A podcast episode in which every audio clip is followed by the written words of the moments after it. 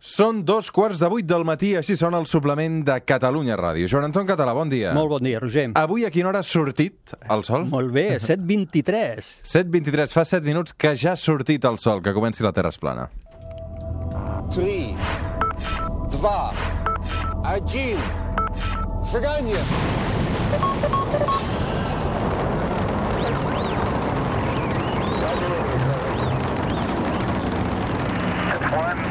Step for man, one giant leap for mankind. Avui encetem secció amb un sol que ens ha avançat per la dreta, bàsicament, no? Mhm, O- ah, ràpidament. Sí, sí, vull dir que ara ja... Fins el, el dia que el sol surt més aviat a Catalunya, Eh, Serà aproximadament cap al solstici d'estiu, que no exactament el dia del No- no és solstici. el dia de Sant No és exactament Mm. aquell dia, però aproximadament per aquella i època. a quina hora surt més o menys? El... No, així de memòria no t'ho sé Però dir. abans de, les, abans de les 7 del matí, Sí, eh? sí, abans sí, de i les tant, 7 i del tant, matí i el tant, tenim aquí i posat. tant, i tant. Molt bé, el Joan Anton Català és la veu científica del suplement, també la veu astronòmica, i evidentment eh, sempre repassem, pa, mm, arrenquem eh, repassant algunes qüestions de- d'actualitat que ens deixa la setmana. Um, aquesta, aquests dies hem llegit un titular que diu uh, l'ESA ha batejat el seu robot biòleg que arribarà a Mart el 2021. Es dirà Rosalind Franklin, una pionera de l'ADN. Exacte. Què ens diu aquesta notícia? Doncs mira, ens diu molt. Ens diu que, tal com ja sabíem, la ESA, igual que la NASA, estan treballant en el seu nou robot eh, per portar a Mart, que el de la ESA arribarà l'any eh, 2021. És un biòleg, a diferència dels robots que teníem fins ara, i que encara hi tenim algun en allà, que són geòlegs, aquests són biòlegs, van a buscar vida, vida fòssil, creiem que vida que hi podria haver hagut a Mart fa uns 4.000 milions d'anys.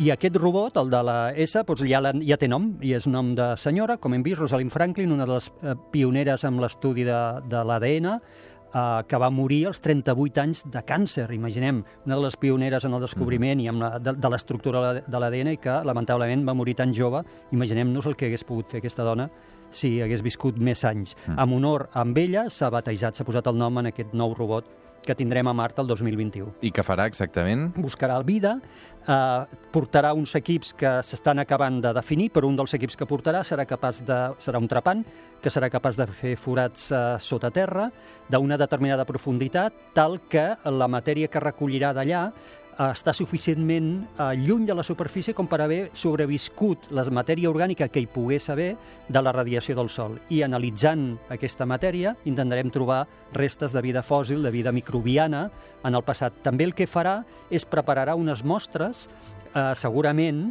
que les deixarà preparadetes en allà perquè algun dia puguem enviar una missió que reculli aquelles mostres i les retorni. Això s'està acabant de definir. Molt bé, tot això pel que fa a l'actualitat futura, eh, immediata també, perquè això s'ha publicat aquesta setmana, i pel que fa a Mar. Però avui el tema que ens ocupa amb el Joan Anton Català a la Terra es plana no és Mar, sinó que avui parlem d'un element bàsic en la nostra vida, d'una cosa essencial per a la nostra existència, però que, tot i que no ho sembli, continua sent un gran misteri. Parlem de l'aigua. Time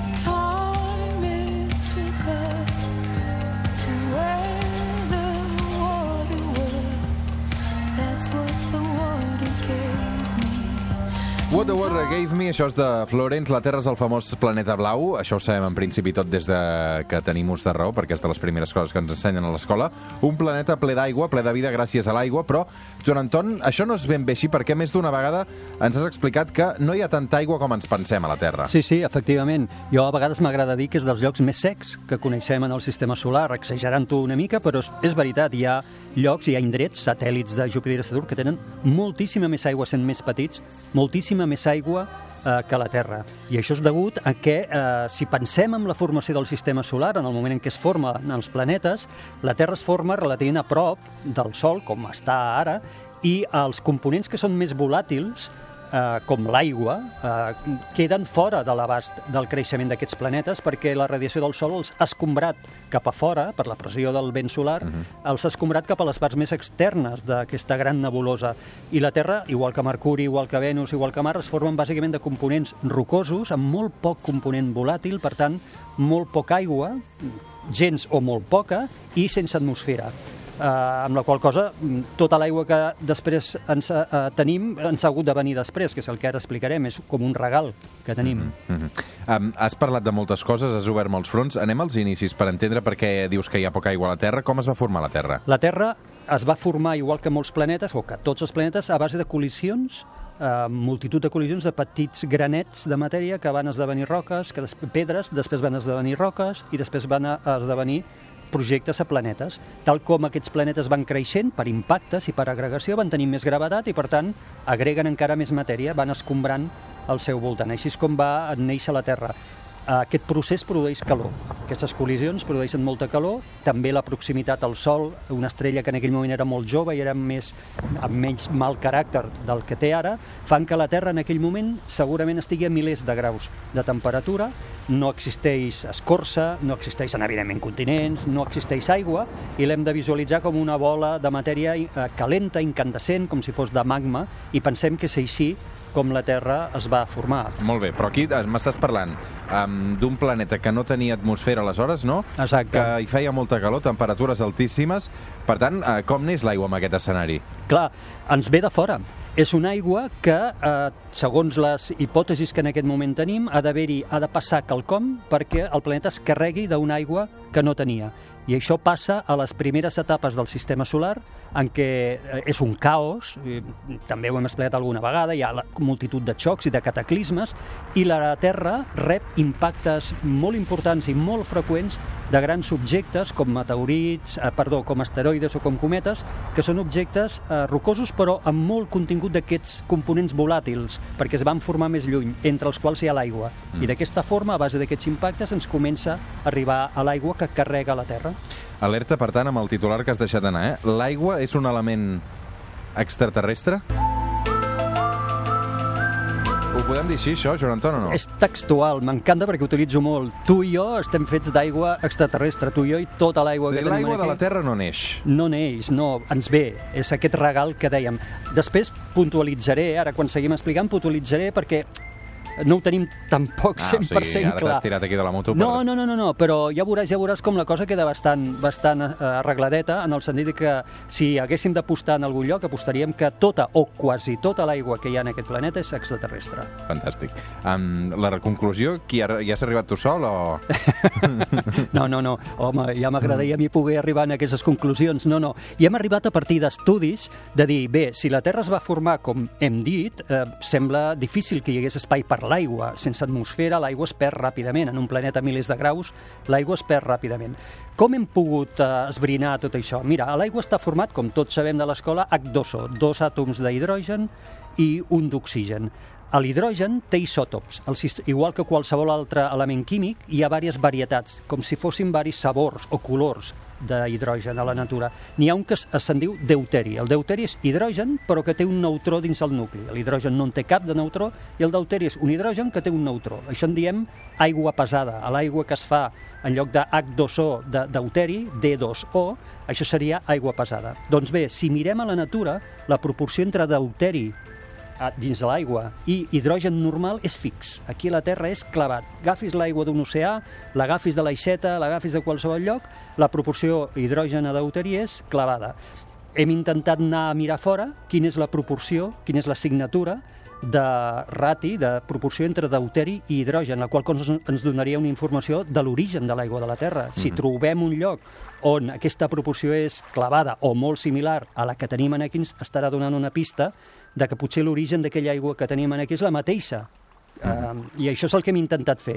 I això ho hem intentat fer en cometes i amb asteroides. M'estàs dient? Sí, eh, les mostres que hem pogut recollir no són moltes, perquè, clar, enviar missions a cometes i asteroides no n'hem fet tampoc centenars, les podríem comptar amb els dits de la mà, eh, i, però sí que també hem rebut eh, meteorits que arriben d'aquests cossos, amb la qual cosa hem intentat recollir un, un estudi el més ampli possible i veure com és aquesta aigua. I el que hem descobert és que a l'aigua dels cometes se separa força d'aquesta signatura que té l'aigua de la Terra. El seu contingut amb deuteri respecte a l'hidrogen és més elevat, bastant més elevat, fins a tres vegades més elevat que el que hi ha a la Terra. Per tant, això una mica descartaria d'entrada això de l'aigua extraterrestre. Diem, ui, ens hem equivocat. Però aquí ve la cosa... Però ve el- dels asteroides. Exacte. I els asteroides, quan els hem analitzat, la seva aigua és molt similar a la nostra. La seva proporció, aquesta assignatura que dèiem de- de- deuteri respecte a hidrogen, és bastant, bastant similar, tot i que no exactament igual Mm. al que tenim en aquí. Que l'aigua està formada per dos àtoms d'hidrogen i un d'oxigen, en principi no ho discutim, això, Això eh? no es discuteix, eh, afortunadament. Molt bé. Uh, per tant, uh, missatge clar, tots sí, els sí. científics. Dic afortunadament perquè saps que s'estan discutint, i d'aquí ve el nom del programa, Ah. moltes coses que sembla increïble Sí, sí, que sí, sí. s'estiguin discutint. Però això en principi està clar. Sí. Um, què va passar? Hi ha una data assenyalada i és el 2015, en referència a l'existència de, de l'aigua a la Terra. Molt bé, mira, si, abans del 2015 aquí haguéssim acabat el programa. Molt bé. Ens haguéssim saludat i fins la setmana que ve. D'acord. Què passa? El 2015 hi ha un estudi d'uns científics mm, eh, publicat a la revista Nature, la revista més prestigiosa, Mm-hmm. en què posen en dubte aquesta hipòtesi de tot l'aigua que tenim és extraterrestre i defensen que la Terra, a pesar d'aquestes condicions que dèiem d'escalfor, va ser capaç de conservar part d'aigua primigènia, part d'aigua original, de forma hidratada dintre dels minerals, dins de les roques, i que més tard part d'aquest- d'aquesta aigua va ser alliberada i va formar part dels nostres oceans. Una part d'aquesta aigua, no sabem la proporció. Per tant, aquest estudi va posar en crisi el model ideal que deien, val, tot l'aigua ens l'han portat els asteroides. I aquesta gent diu, vigileu, perquè pensem que no. Això va passar el 2015. Carai, però abans havíem dit tot el contrari, no? Sí, eh, llavors eh, la cosa que està quedant en empat. Jo voldria dir també aquí un comentari, que és que, Tu fixeu-nos... qui et en- creus? Jo primer diria la humilitat que hem de tenir tots plegats. Estem parlant del Big Bang i sabem, o creiem, saber el que va passar fa 13.800 milions d'anys i en canvi no sabem com la vida va aparèixer a la Terra o com fins i tot l'aigua va arribar aquí. I estem parlant del nostre planeta. En aquest moment la, la majoria de científics estan per una opció mixta, en què pràcticament o molta part de l'aigua ens hauria vingut d'aquests impactes dels asteroides, per tant, aigua extraterrestre, aigua regalada, vinguda de fora, però una part de l'aigua segurament hauria estat conservada per la jove Terra. I aquesta mescla seria el que fa que la nostra aigua sigui una miqueta diferent a la dels asteroides. No sigui calcada, sinó que sigui una mica diferent, per això que et deia. Perquè la Sí, hi ha una versió que diu que l'oceà Atlàntic és conseqüència d'una gran patacada d'un asteroide que Sí, sí. va aterrar a la Terra. Tot, tota l'aigua, tota l'aigua, no només dels oceans, la sí. cara de la- l'ampolla i la que tenim dins el cos, exacte, tot aquest, tot l'aigua de la Terra, eh, component essencial de la vida, clar, sense l'aigua, si això és veritat, fixa-t'hi el que estem dient, eh? Eh, mm, que la Terra, un lloc eh, perfecte per la vida, amb milions d'espècies, diversitat increïble, basades en l'aigua, d'una aigua que originàriament o no n'hi havia ni gota, o si n'hi havia, no s'assemblava la quantitat d'aigua que ara tenim. És fascinant tot això que ens explica el Joan Anton perquè demostra que, bueno, la conclusió que normalment arribem és que no som res i que a vegades Mm. ens preocupem per coses, evidentment les preocupacions del, del dia a dia no tenen res a veure amb, amb, amb la magnitud de, de l'univers que, que se'ns menja. Exacte, en aquest Eh. sentit que, de, que, que dèiem ara, no? el regal que ens ha fet la natura, la quantitat de coses que han hagut de passar, que, que la natura ha hagut de confabular perquè avui puguem estar xerrant, i una d'elles és l'aigua, una cosa que no li donem importància, un recurs que sembla que la Terra estigui sobrat i, i seria un regal de fora. Molt bé, sabem la quantitat d'aigua que hi ha a la Terra. Què passa a la resta del sistema solar? A la resta del sistema solar, tots aquells mons més allunyats de Mart, que es van formar més allunyats del Sol, són molt més rics amb aigua, per això que dèiem abans, perquè els components volàtils com a l'aigua s'haurien concentrat, haurien tingut tendència a concentrar-se en les parts més allunyades d'aquesta gran nebulosa que va formar el sistema solar. I, per exemple, satèl·lits de Júpiter i de Saturn, sent molt més petits que la Terra, tenen moltíssima més aigua que la Terra. I quan dic moltíssima vol dir que hi ha algun dels satèl·lits que poden tenir fins a 20 vegades més eh, en massa l'aigua que hi ha a la Terra, com, com et deia, sent molt més petits. En quina forma és aquesta aigua a la resta de planetes? Està congelada? Mm. Ha- Habitualment està congelada, perquè a la que sortim de la Terra i ens allunyem cap a Mart, i a partir de Mart, a l'aigua que trobem ja és gelada.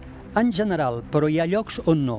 Per exemple, hem descobert aigua líquida, això és de l'any passat, molt recent, aigua líquida a Mart per sota de la superfície, protegida per capes de gel, segurament, eh, i per algun fenomen, a lo millor termal. Hi ha aigua líquida, i això ho sabem segur, sota d'una enorme eh, capa de gel de quilòmetres que té un satèl·lit de Júpiter que es diu Europa. I sota aquesta gruixuda capa de gel que envolta tot el planeta, tot el planeta és de gel, per sota hi ha un mar d'aigua líquida. Això ho sabem perquè hi ha geysers, hi ha eh, es- fuites d'aigua que surten per les escletxes d'aquest gel de quilòmetres. I per què és aquesta aigua en allà líquida, si estem parlant de Júpiter, que està super lluny del Sol, doncs pensem que l'altre factor que juguen aquí és, per una banda, la gran atracció de Júpiter, que provoca efecte marea, i escalfa els seus satèl·lits, els escalfa fins a punts de poder fer que l'aigua en alguns d'ells arribi a ser líquida i també per fenòmens hidrotermals que hi podria haver en el fons d'aquests mars d'Europa, similars en alguns dels que tenim a la Terra, fenòmens hidrotermals que escalfarien aquesta aigua i que deixaria de ser gel per passar a ser líquida, protegida també per l'enorme capa de quilòmetres de gel que hi ha. A la Lluna l'aigua està congelada?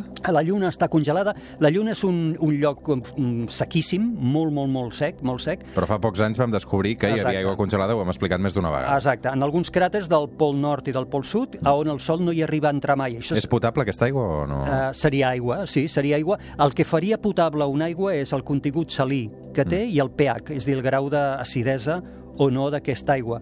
El de la Lluna no l'hem analitzat. Simplement el que tenim són eh, dades des de l'òrbita de la Lluna de que dins d'aquests cràters de foscor eterna, on no hi arriba mai el Sol, hi ha aigua congelada i aquesta sí hauria estat portada per impactes de cometes o d'asteroides que haurien entrat dins aquests cràters i aquest gel per l'efecte de que mai no hi toca llum del sol, no se sublimaria i quedaria eternament allà eh, congelat.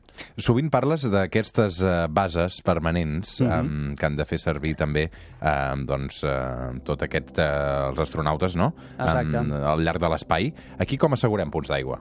Clar, eh, l'aigua és dels elements més cars per transportar. També m'agrada explicar-ho perquè la gent no hi caiem a vegades, no? Pensem als aliments, l'aigua és molt complicat. Perquè ocupa molt d'espai. Ocupa espai, té, no el pots comprimir. És a dir, arriba un moment que l'aigua ja no, el- no el pots comprimir, diríem, amb, la, amb tecnologies normals per poder enviar aigua a l'espai. Eh, hem d'anar, per evitar, hem d'anar en llocs on ja hi hagi aigua. Hi ha aigua que puguem explotar. La Lluna no en té, n'acabem de parar que sí que en té, però l'explotació d'aquesta aigua és molt complicada. És en, com, com dèiem, en cràters molt profuns dels pols on no hi toca mai el sol. Mart, en canvi, és ric amb aigua gelada.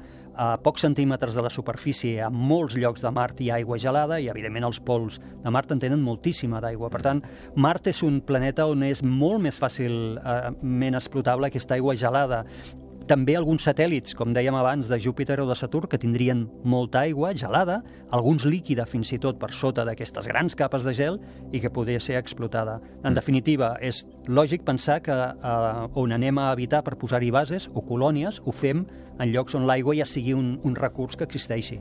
Eh, Se'ns acabarà algun dia l'aigua a la Terra?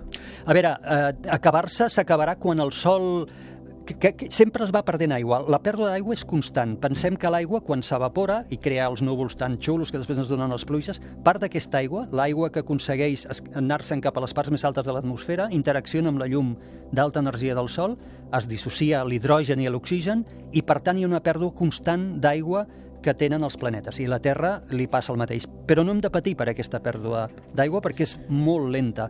Quan el Sol Anava a es dir, va... ara m'has fet venir set. No, sí, jo també, i aquí tenim l'ampolla, que ara en veuré.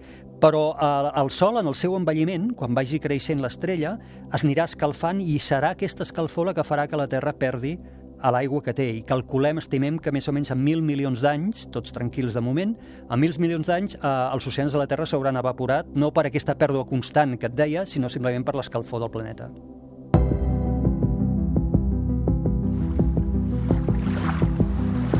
Realment, Joan Anton, eh, avui necessitem les ulleres de sol per fer aquest programa ja, eh? Perquè, sí. clar, fa tanta estona ja que Ara ja ens està entrant una soledat. està enlluernant, sí. Um, Joan Anton, què, què passarà aquesta setmana si aixequem el cap cap al cel? Seguim tenint els tres amics, Venus, Saturn i Júpiter. Venus ja molt baix, molt baix, cada dia més baix, però Saturn i Júpiter més alts. Recordeu, al matí, a l'alba, abans de la sortida de sol, ara ja és tard per poder-los veure, i aquesta setmana la Lluna es posarà entremig d'aquest trio, anirà la Lluna minvant, anirà passant primer per Júpiter, després per Saturn, pel costat de Saturn, i després pel costat de Venus. Per tant, tothom qui vulgui fer fotografies a la matinada ens les pot enviar com sempre. Arroba estels i planetes, Estels i planetes i el arroba el suplement, Exacte. uh, i allà el Joan Anton doncs, farà un recull també d'aquestes Ah, imatges. Uh, també a la xarxa avui trobareu una fantàstica fotografia del Joan Anton amb ulleres de sol, fent I, aquest I espai. el Roger també, amb ulleres sí, de sol. Sí, sí, però la imatge autèntica és la teva. No, no, no, no, jo no, no estic d'acord amb això. Joan Anton Català, una abraçada ben forta. Igualment, Roger. Fem una pausa i Continuem el suplement.